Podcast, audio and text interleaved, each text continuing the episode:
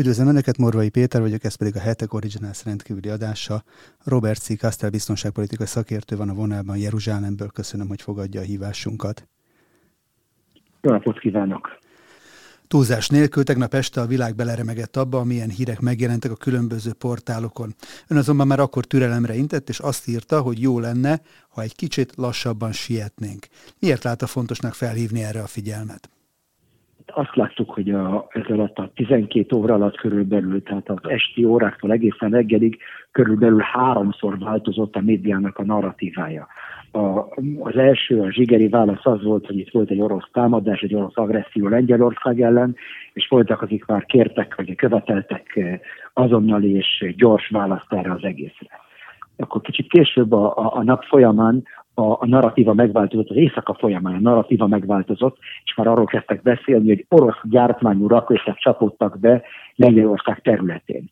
És ma reggel pedig azt láttam, hogy az AP közölte, hogy amerikai szakértők szerint valószínűleg lengyel légvédelmi rakétákról van szó, és én azt hiszem, hogy ez most a, a, a hivatalos és az elfogadott változat, hogy ezek olyan légvédelmi rakéták, amiket ukránok lőttek ki hogy lelőjék ezeket az orosz cirkáló robotrepülőgépeket, és két ilyen rakéta csapódott be aztán eh, Lengyelország területén.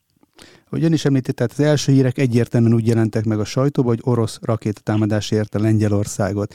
Milyen felelőssége van a sajtónak abban, hogy ilyen incidens hogyan jelenik meg, hogyan tálalják a közvélemény elé?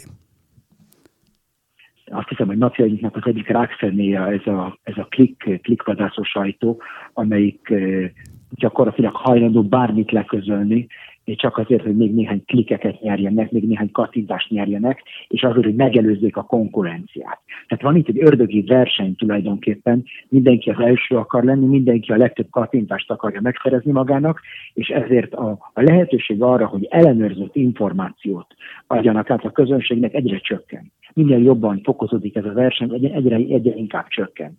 És hosszú távon gyakorlatilag a sajtó maga alatt vágja a fát.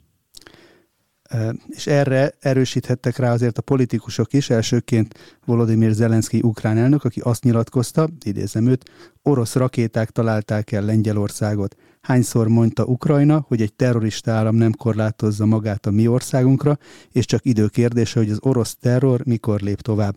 Rakétát lőni a NATO területére, ez egy orosz támadás a kollektív biztonság ellen, ez nagyon jelentős eszkaláció, cselekednünk kell ha Zelenszky elnökön múlt volna, akkor ma már NATO-orosz háborúra ébredünk. Most ebből a nyilatkozatban nem úgy tűnik, mintha Ukrajna alkalmat keresne arra, hogy kiszélesítse a konfliktust?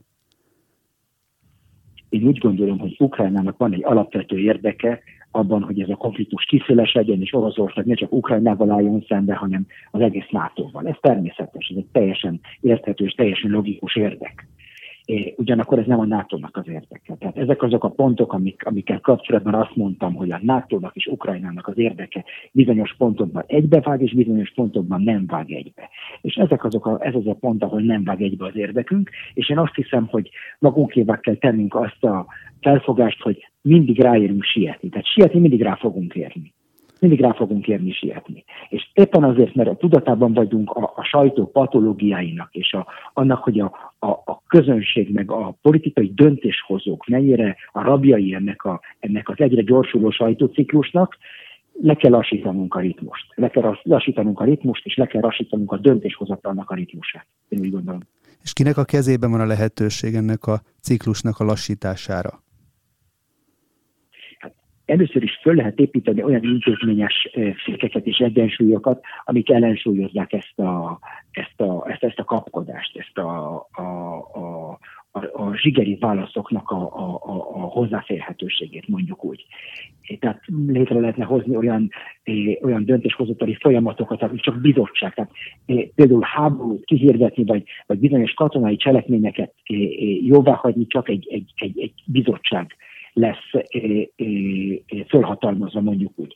például Izraelben ez úgy zajlik le, hogy, hogy, hogy háborúval kapcsolatos döntéseket csak a, a belső kabinet hozhat, ez hat vagy hét ember. Tehát se a miniszterelnök, se a hadügyminiszter, se a miniszterelnök, meg a hadügyminiszter együtt nem tudnak ilyen döntést hozni. Tehát mindenképpen van egy kollektív döntéshozatal. És valami ilyesmit kéne kidolgozni egy szövetségi rendszeren belül is, tehát meg kell határozni azokat a, azokat a, a, a küszöböket, amiket el kell érni eh, ahhoz, hogy egy ilyen döntéshozatal megszülethessen.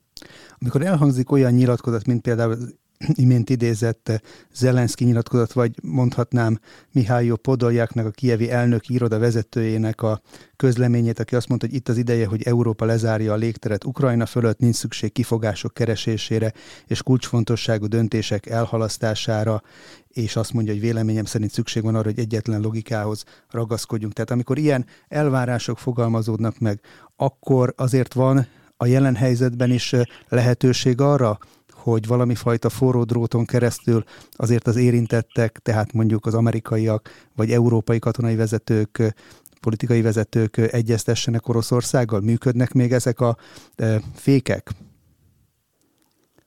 ezek a fékek, ezek a forró drótok, azt hiszem a kubai rakétaválság óta egyfolytában működnek. Tehát soha-soha sem zárták le ezeket a forró vonalakat, és nagyon fontos, hogy ezek a forró vonalak továbbra is fennmaradjanak. Nagyon-nagyon fontos.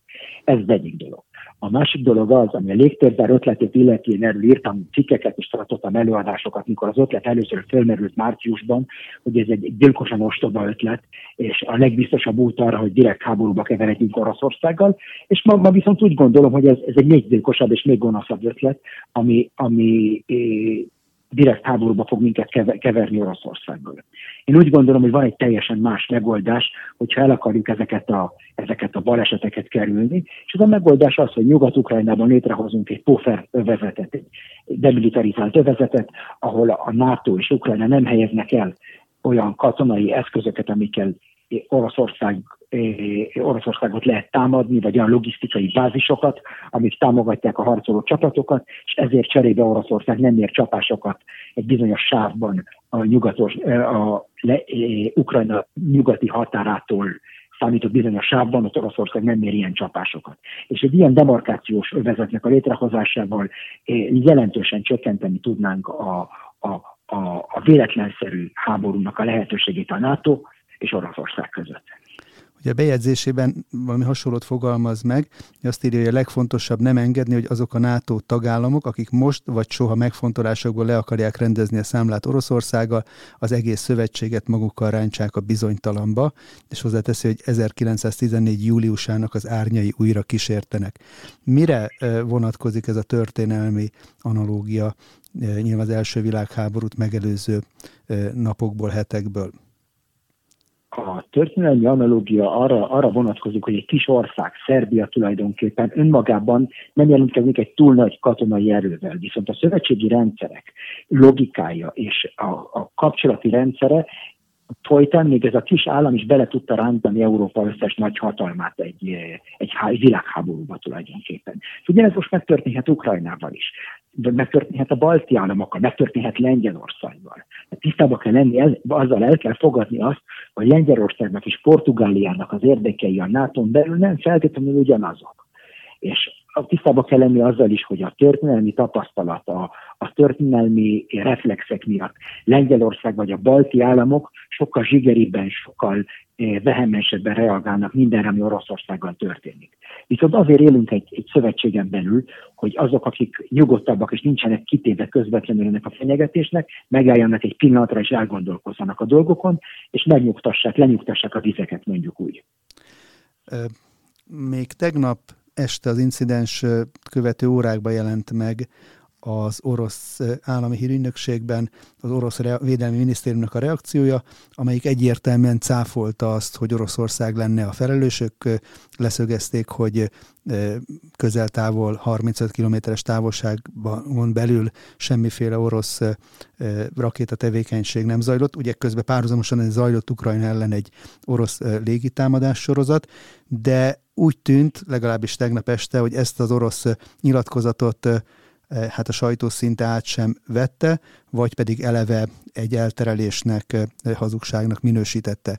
Mi a határ, hol, hogyan lehet egy ilyen helyzetben, azért mert most visszatekintve ez egy, ez egy reális válasz volt, azt elérni, hogy legalább a cáfolatok megjelenjenek, mint alternatív magyarázatként. Ez az egyik probléma, hogy a, a nyugati sajtó következetesen csak az egyik félnek az álláspontját közli, és ezzel szerintem vét a, a, a feladata ellen, a kötelessége ellen, a, amivel a nyugati közönségnek tartozik. És van itt még egy probléma, amiről a, a sajtó szinte nem akar tudomást venni. Mi történt itt tulajdonképpen? Két rakéta megsértette a NATO-nak a légterét, és becsapódott egy NATO állam területére, és megölt két NATO állampolgárt hol van itt a NATO-nak a légvédelme? Miért nem észlelték ezt a két rakétát, ami közelednek egy, egy, egy, egy NATO állam felé? Mert nem lőtték le ezeket a rakétákat? Izraelben volt egy ilyen eset ezelőtt két évvel talán, hogy egy szír légvédelmi rakéta, amit kilőztek egy bizonyos légi célpontra, eltévedt a levegőben, és izraeli terület felé tartott. És akkor ezt kénytelenek voltunk lelőni ezt a rakétát egy, egy egy ilyen antibalisztikus rakéta rendszerrel, amit most Németországnak ad el Izrael. De most feltevődik a kérdés először is, miért nem képes a NATO eh, megőrizni és megfigyelni rendesen a saját légterét. Ez már a második ilyen eset. Volt egy ilyen eset a, a Horvátországba becsapódó drónnal is. Ez a második ilyen eset. És a másik kérdés pedig az észlelésen kívül, mert nem képes a NATO le, le, lelőni ezeket, ezeket a célpontokat. Hát milyen, milyen szinten áll, mi, mi az állapota tulajdonképpen manapság a NATO légvédelmének? Mi történt volna, hogyha ez egy masszív orosz légitámadás lett volna, és nem egy baleset? Tehát itt van az nagyon fontos kérdések, amiket a sajtó egyszerűen nem akar észrevenni, és ez nagy kár szerintem. Talán még hozzátehetjük ezekhez a példákhoz az északi áramlat gázvezetéknek a felrobbantását is, ahol ugye az utólag a jelentésekből kiderült, hogy egy komoly mozgás zajlott a térségben, legalább két nagyméretű, azonosítatlan felségjelzésű hajó észleltek a robbanást megelőzően, mégsem történt ott sem semmi. Érthető talán ebből a szempontból jobban, hogy az emberek szkeptikusok, a közvélemény szkeptikus és fenntartásokkal viseltetik a politikai nyilatkozatok iránt? Igen, ez teljesen érthető, és én azt hiszem, hogy mikor mindenki a fake, newsról, a hamis hírekről beszél, meg a dezinformációról beszél, és én azt hiszem, hogy amit látunk, az tulajdonképpen a, a, a nagykereskedők harca a kiskereskedők ellen. A kiskereskedők azok a bloggerek, a, a, a, a TikTok csatornák, a Telegram csatornáknak a, a, a, a tulajdonosai, és a nagy halak pedig ebben a, ebben a játszmában ezek a nagy sajtóügynökségek. De, de egyformán mind a két, mind a két tábor mondjuk úgy a sajton belül, épp úgy dezinformációval is, belső cenzúrával, öncenzúrával foglalkozik, és az égvilágon semmivel nem szava hihetőbb egy, egy, egy úgy itt idézőjelbe téve mértékadó sajtóorganum, mint a legutolsó Telegram blogger Oroszországban. Robert Szikeszen, nagyon köszönöm, hogy most akkor az elmúlt percekben segítségünkre volt abban, hogy azért valamennyire árnyaljuk ezt a fajta egyoldalú sajtóképet. Köszönöm, hogy segített ezt elmagyarázni, köszönöm a hallgatóknak is a figyelmét, és akkor a szokott módon pénteken folytatjuk egy részletesebb elemzéssel. Köszönöm addig is, és szép napot kívánok viszont hallásra. Viszont hallásra.